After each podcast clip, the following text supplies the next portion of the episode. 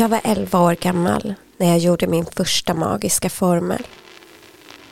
Den var ganska enkel, inga exotiska ingredienser eller latinska ord.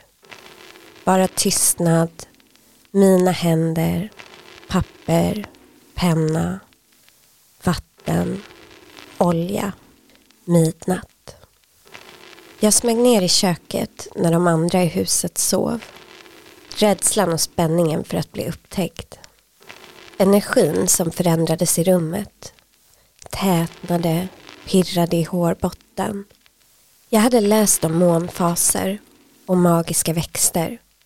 Men i övrigt visste jag inte så mycket om vad jag gjorde. Och ibland är det nog bra. Magi är ju ändå en sorts lek. En lek med energier för att forma ett resultat som vi vill ha. Jag fick resultat på min formel efter några månader.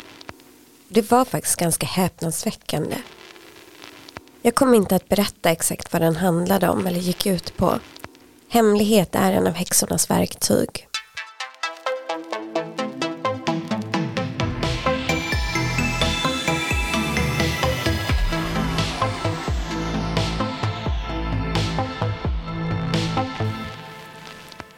Välkommen till Häxtimmen. Det här är Ebba och idag ska vi prata om magi. I slutet av det här avsnittet så kommer jag att ringa upp Helena Torstbös, även känd som Häxans trädgård, som har varit med tidigare i podden.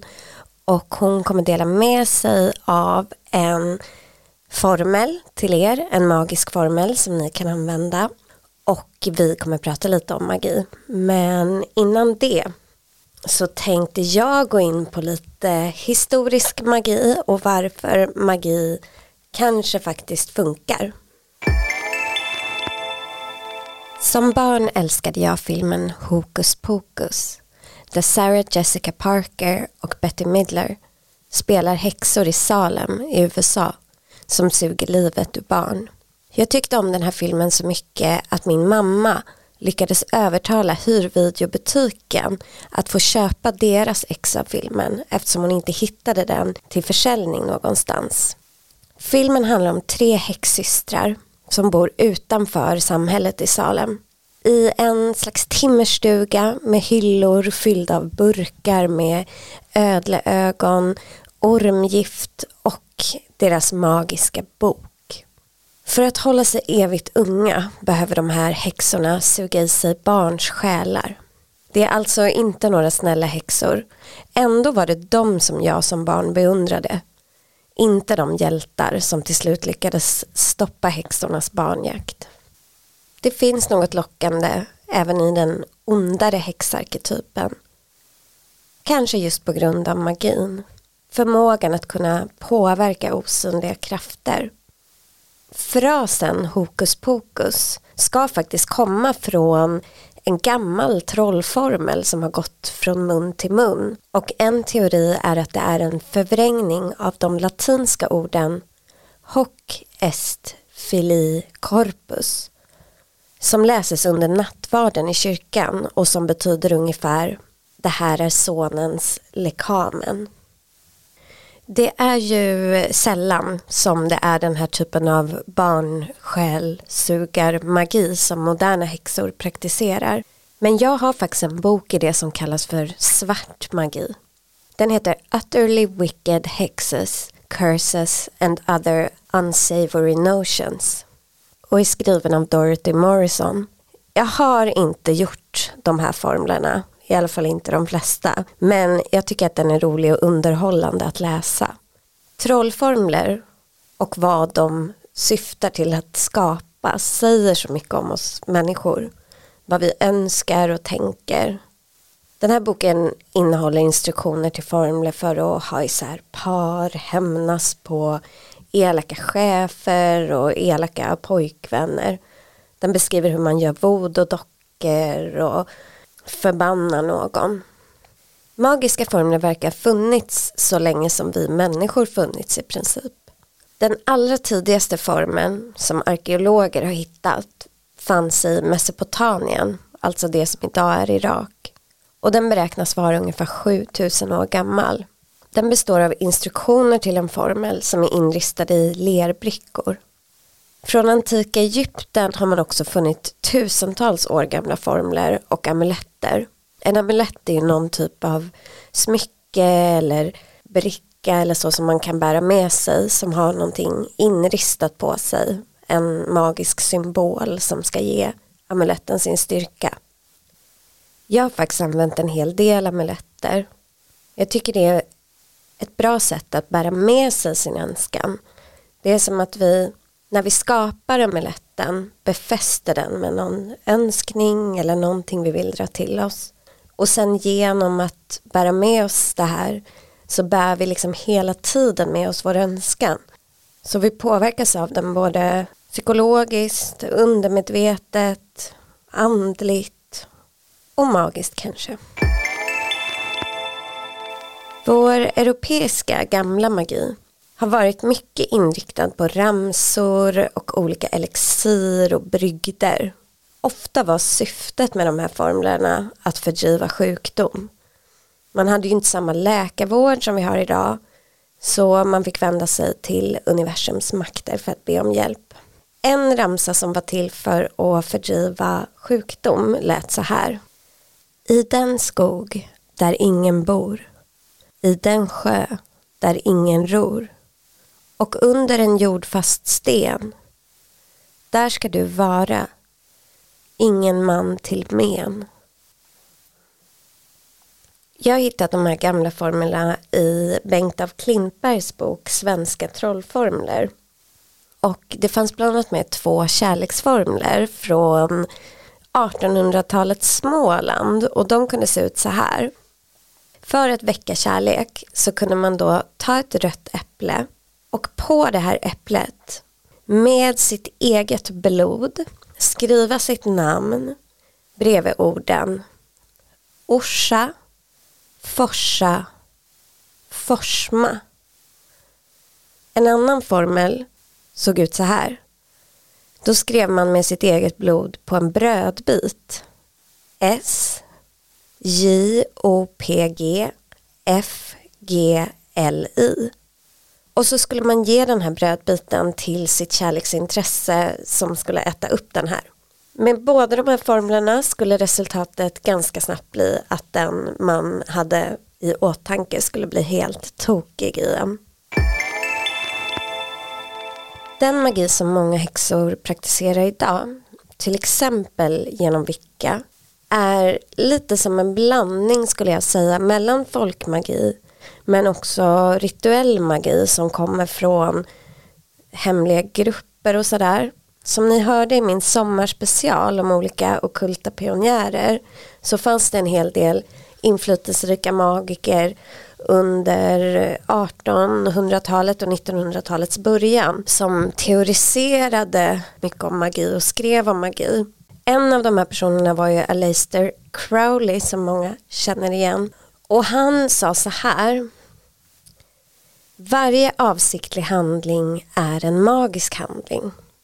Här är alltså vår vilja i fokus och han menar att när vi har en önskan och verkligen vill någonting så sätter vi igång en magisk process. Vi kommer nog aldrig få svar på exakt hur magi funkar eller om det faktiskt funkar. Men det finns faktiskt lite forskning på magi som skulle kunna förklara på något plan vetenskapligt hur det funkar.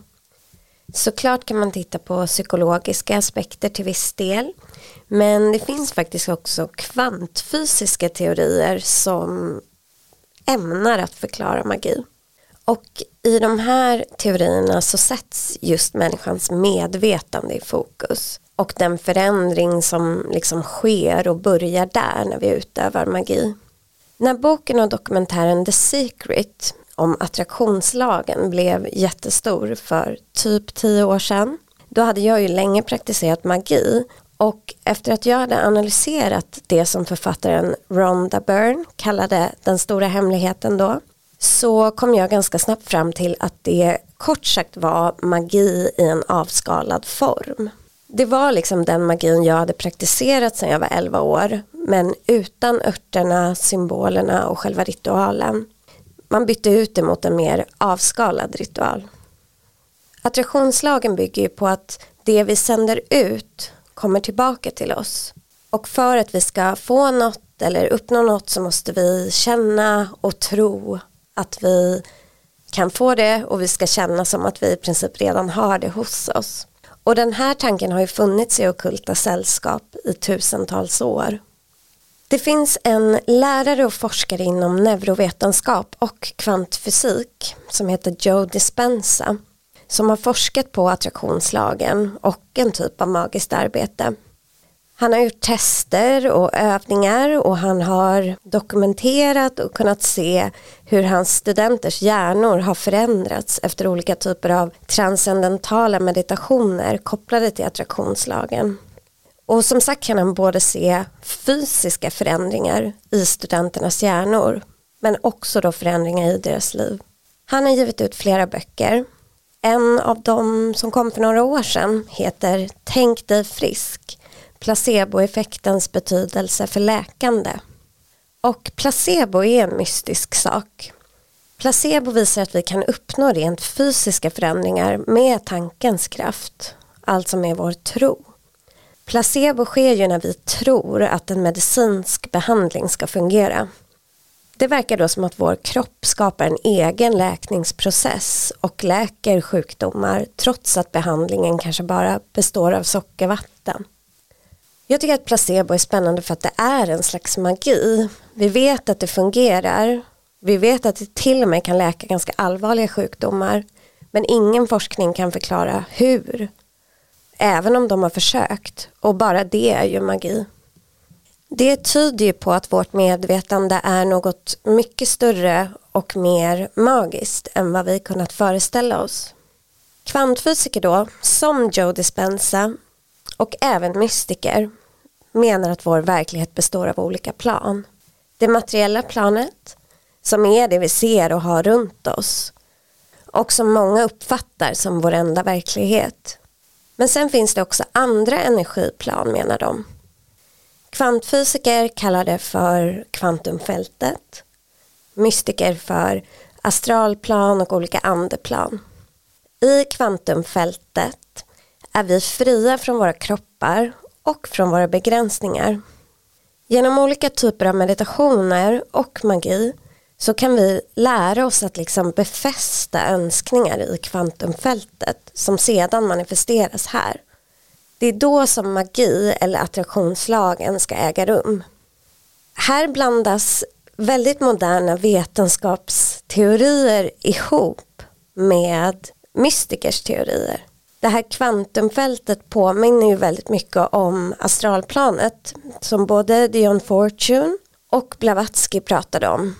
Och enligt båda teorierna, alltså både mystikernas och kvantfysikernas teorier, så är det genom att känna som vi kommer till det här planet, inte genom att tänka.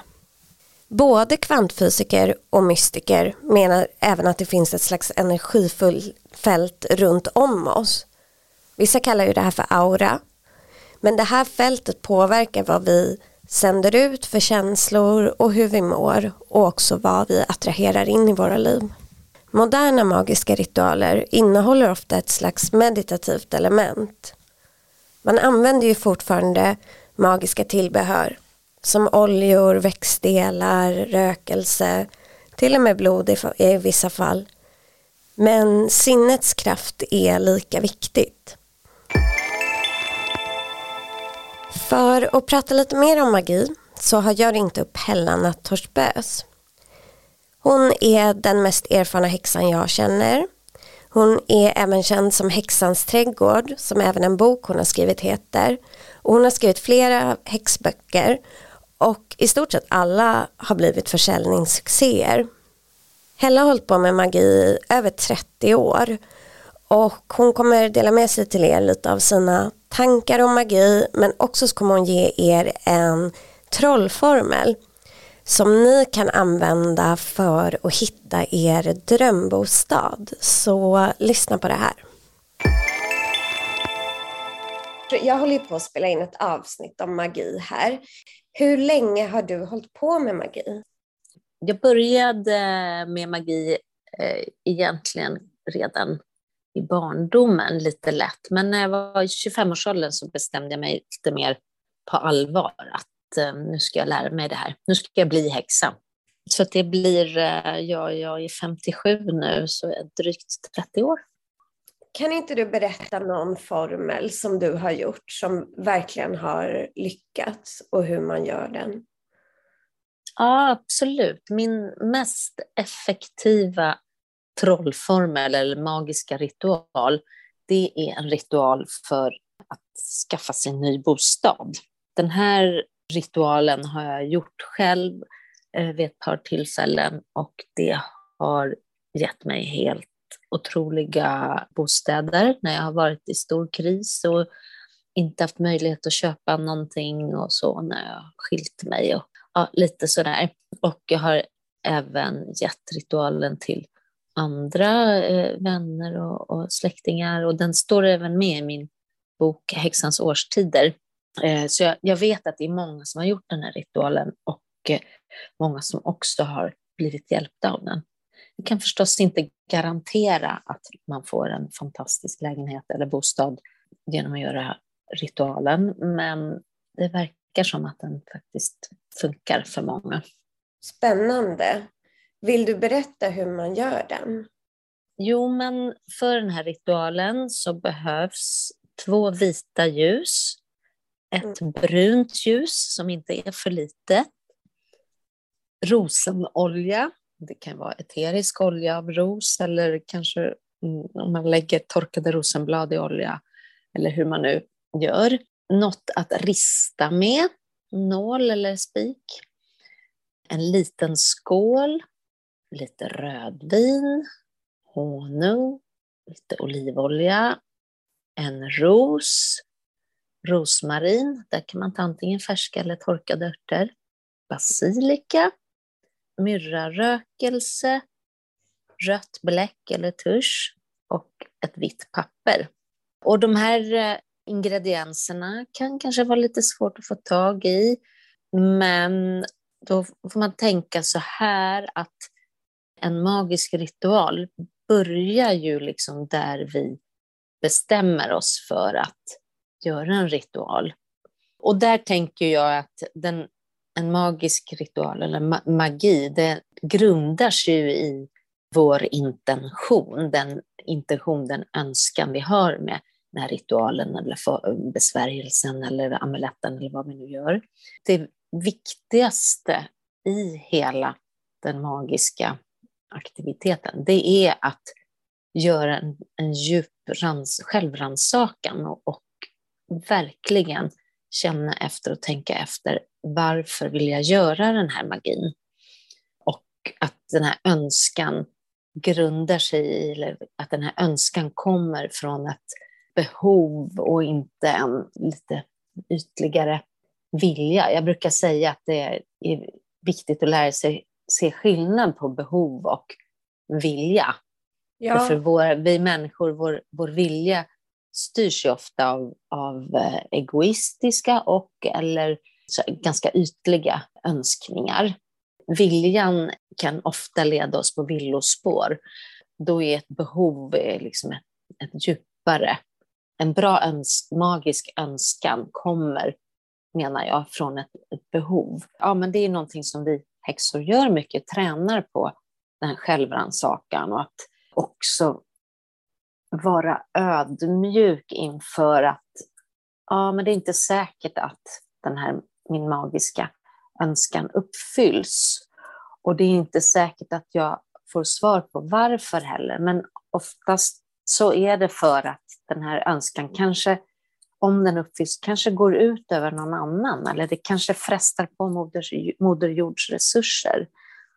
Så jag brukar alltid, eh, när jag gör en magisk ritual, så brukar jag alltid ha i min formulering, i min besvärjelse, så har jag alltid med en mening ungefär att säga, om det är meningen att jag ska uppnå det här, att den här magiska önskan ska falla in, Så visa mig vägen dit.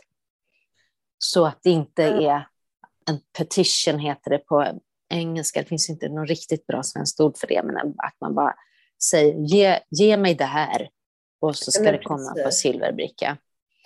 Det kan ju vara så till exempel att du är ute på Hemnet och så har du hittat så här, du tycker det här är det perfekta huset och här kan jag ha ett arbetsrum och en trädgård och bla, bla, bla. Och så gör du en ritual för att få just det här huset.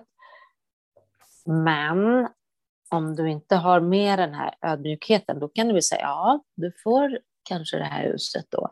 Men det kanske inte är bra. Det kanske är en hemsk granne som du får dras med, eller det visar sig att det finns gift i jorden eller eh, spökar, vad det nu kan vara, som du inte kan förutse när du tittar på en Hemnet-annons. Det här är bara som enkla exempel, men det, när jag jobbar så, så hjälper det mig att hålla mig mer ödmjuk till mina egna önskningar.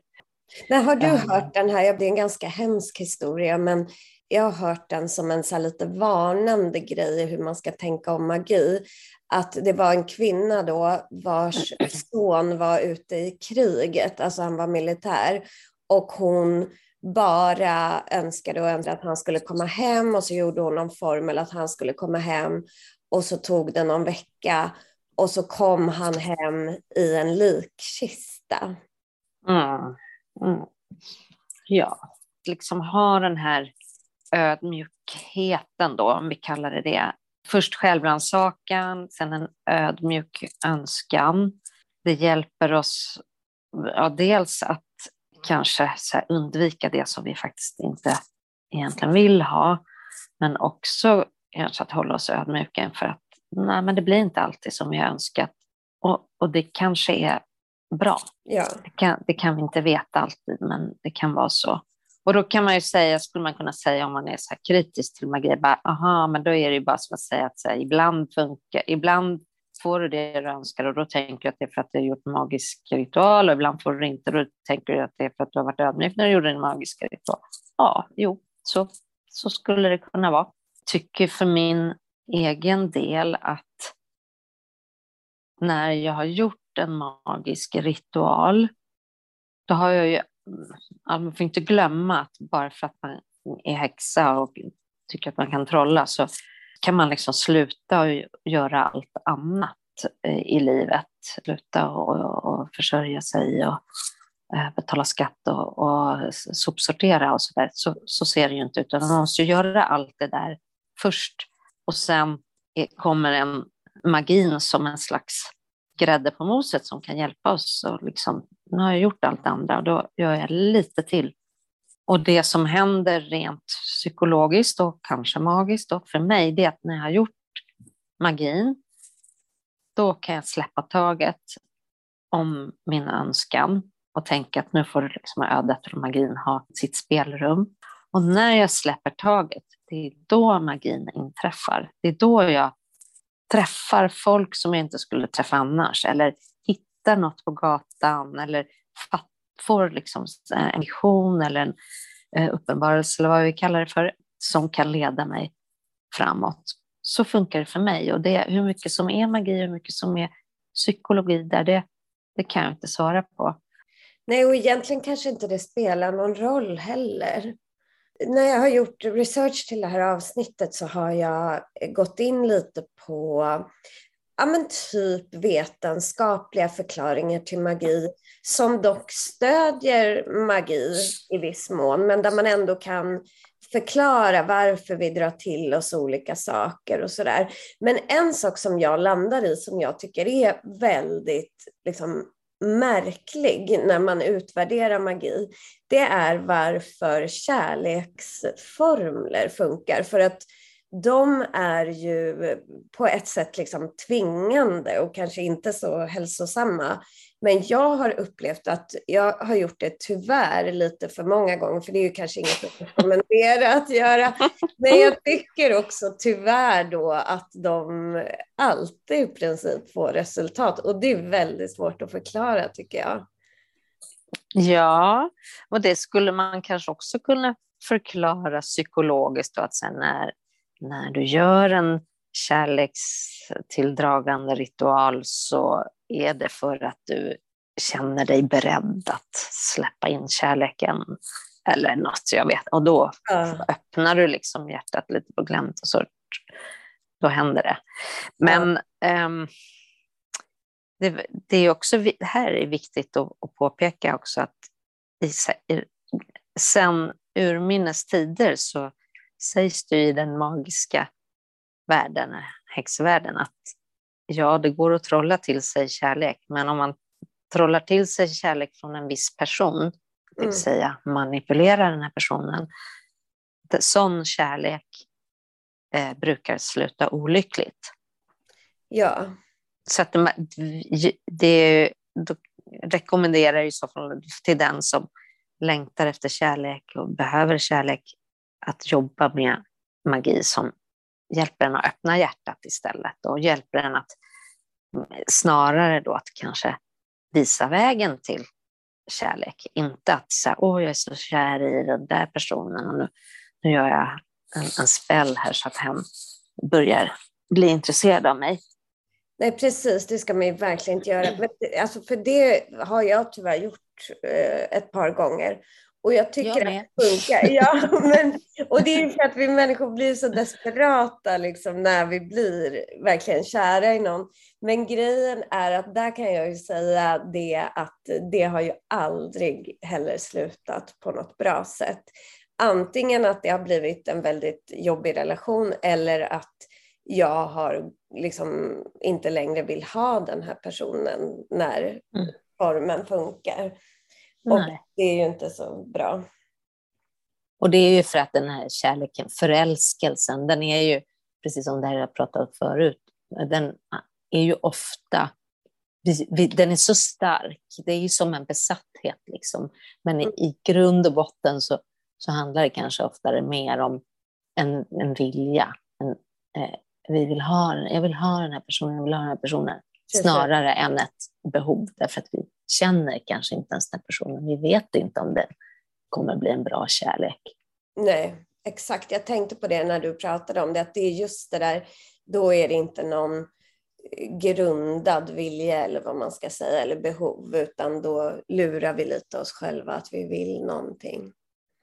Ja, det är lätt gjort. Det är, man ska inte eh, liksom se ner på de som gör det. Jag, menar, jag har som sagt själv varit där Ja. Det slutade inte heller bra. Nej, det är ju Men du, hur gör man den här bostadsritualen då? Ja, då är, är den bäst att göra under nymåne. Ju mm. nyare desto bättre. Och det är ju då alltså när månen växer. Det så här, generellt jobbar ju vi med magi som är tilldragande då när vi vill ha någonting eller ha mer av något.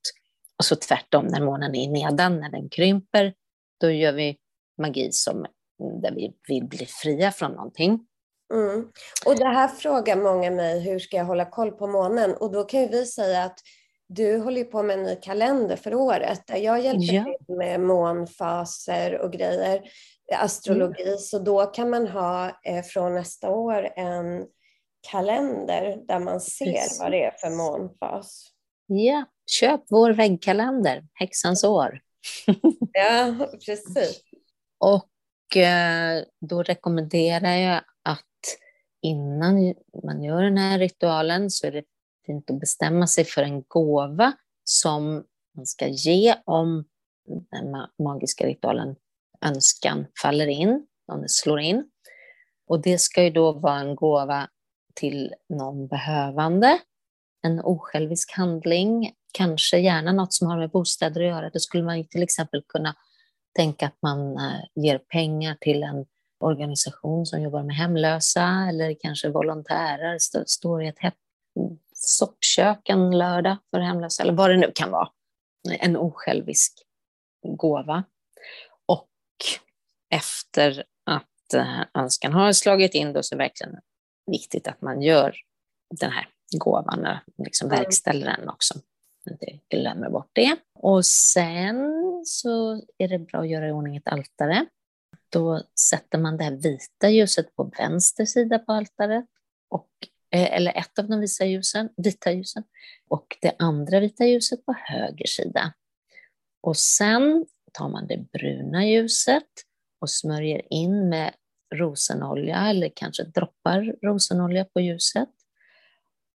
Och när det är gjort så ristar man med eh, det här vassa verktyget, vad man nu har, en spik kanske, ristar i det bruna ljuset vilken typ av bostad det är du behöver.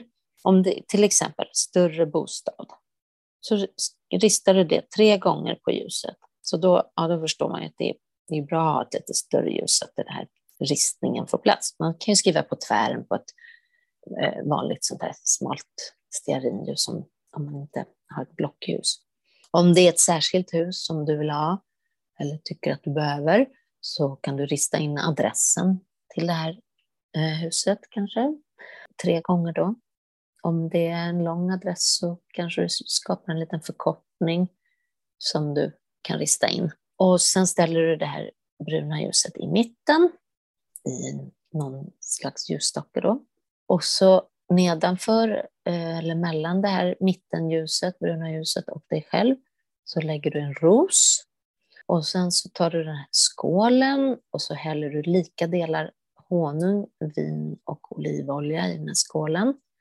Så tillsätter du basilikan, rosmarin och några droppar av ditt eget blod.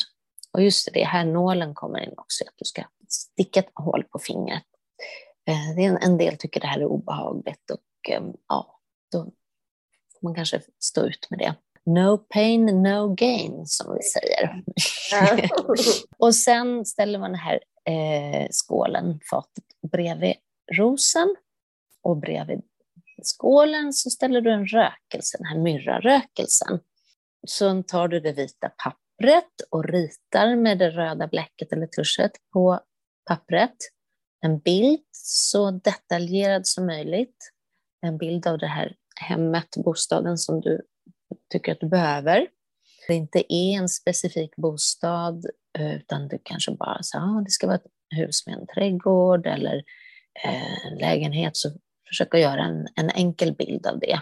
Eller kanske skriva eh, vilken ort där huset ligger i. Eller vad, ja. Och det är ju absolut ingen konsttävling, utan det ska bara vara som en symbolisk bild. Och sen läggs det här pappret lägger du nedanför rosen och skålen och rökelsen. Vid, vid solnedgången går du till altaret, tänder rökelsen. Sen tänder du de vita ljusen och sist det bruna ljuset. Medan du tänder ljusen så säger du en formel, trollformel, och den här trollformen den har jag hämtat från en, en gammal magibok och modifierat den lite. Vill man skriva ihop en egen trollformel besvärjelse så går det jättebra. Mm. Det här är ett förslag och den lyder så här. Detta är mitt hem, min jord, min grotta, mitt slott. Hjälp mig att göra det bättre. Ta mig hem, ta mig hem, ta mig hem låt det ske. Eller så ska bli, eller vad man nu brukar använda för så av, avslutande ord. Och innan man säger det här, hjälp mig att göra det bättre, så kan man kalla på en gudinna där. Och kan man ju även göra om man gör en, öppnar en cirkel eller det magiska rummet innan. Och eh, där här passar det ju fint då att ha en gudinna som är tillägnad hemmet och härden, alltså eldstaden som var det centrala i hemmet förr i tiden. Och förslag där är Frigg, eh, hon var den i den förkristna nordiska religionen som vaktade över hus och härd. Så då säger man då, Frigg, hjälp mig att göra det bättre. Och sen så är det lite, ja, så en avslutning också på den ja. här. Mm. Sen låter man ljusen brinna en stund innan man släcker dem. Och eh, gör, så görs ceremonin tre kvällar i rad medan man samtidigt aktivt söker ett hem, kanske ute på Hemnet eller ringer eller mejlar Blocket annonser eller vad man nu gör. Mm. Och när ritualen är avslutad då efter tredje kvällen, då ska man låta ljusen brinna ner. Det kan ju ta en stund beroende på hur stora ljusen är. Så samlar man ihop resterna och kastar dem i ett levande vatten alltså en flod eller havet eller en sjö. Och där är också bra att inte vill skräpa ner i naturen, att det är så lite som möjligt kvar av det här ljuset. Och sen när du har slängt de här resterna i, i vattnet så ska du inte vända dig om och titta på vattnet när du går därifrån. Utan liksom släppa de här, släpp dig till magins kraft och ödet. Ja, det var det hela. Vad fint. Ja, det vore roligt om det är någon lyssnare som gör den här ritualen och, och den slår in sen funkar så får de jättegärna höra av sig till dig eller mig och bara berätta. Det. Ja, gör det. Ja, det är kul. Det är jag, jag har gett en jätteenkel formel där man nästan inte gör någonting, alltså för länge sedan, för något år sedan i podden, som är om man tycker att någon person är väldigt jobbig eller på en, alltså någon chef eller liksom sådär, så kan man skriva den personens namn på en lapp, alltså vanlig papperslapp, och så lägger man den i en liten plastpåse, fyller på lite vatten och lägger i frysen. Ja, den har med i min bok också. Ja, du har det. Ja, den är så bra. Ja, den är så effektiv. Och det roliga är att jag har fått så många som hört av sig och sagt att den funkar. ja. Den är sån tycker jag, för där behöver man knappt, det är knappt någon ansträngning, men jag tycker att man alltid får lite så här frid från den personen, i alla fall under ett tag. Ja, och där är ju viktigt också att säga så här, har man inte det förgörande magi, så svart magi, nej det är det faktiskt inte, för att du gör inte det här för att skada den här personen, utan det är bara ett sätt att så att säga frysa hen och, och sätta en gräns för att den här personen får inte påverka mig på det här sättet mm. längre. En, en mm. gränsdragning. Ja, precis. Och just det, kanske jag ska lägga till att kanske byter jobb och inte har den här chefen längre eller vad det nu kan vara. Då mm. är det ju schysst att ta bort den där påsen ur frysen och liksom släppa personen ja, fri. Det är bra att du om, sa det. om, om det känns som det är läge för det. Ja, alltså jag, det har jag faktiskt glömt att göra några gånger, så jag kan hitta sådär, för den här formen använder jag rätt så, inte, inte jätteofta, men liksom när jag tycker att någon är jobbig. Men då kan jag hitta sådär någon lapp långt ner i frysen från några år sedan. Och, ja, liksom. Sen smart att inte göra på sin arbetsplats, alltså själva, för det var en som skrev att den hade lagt i frysen på jobbet och det kan ju bli lite märkligt. Om andra hittar det. Folk blir så rädda när de hittar sånt där. Tack så mycket för idag, för att ni har lyssnat.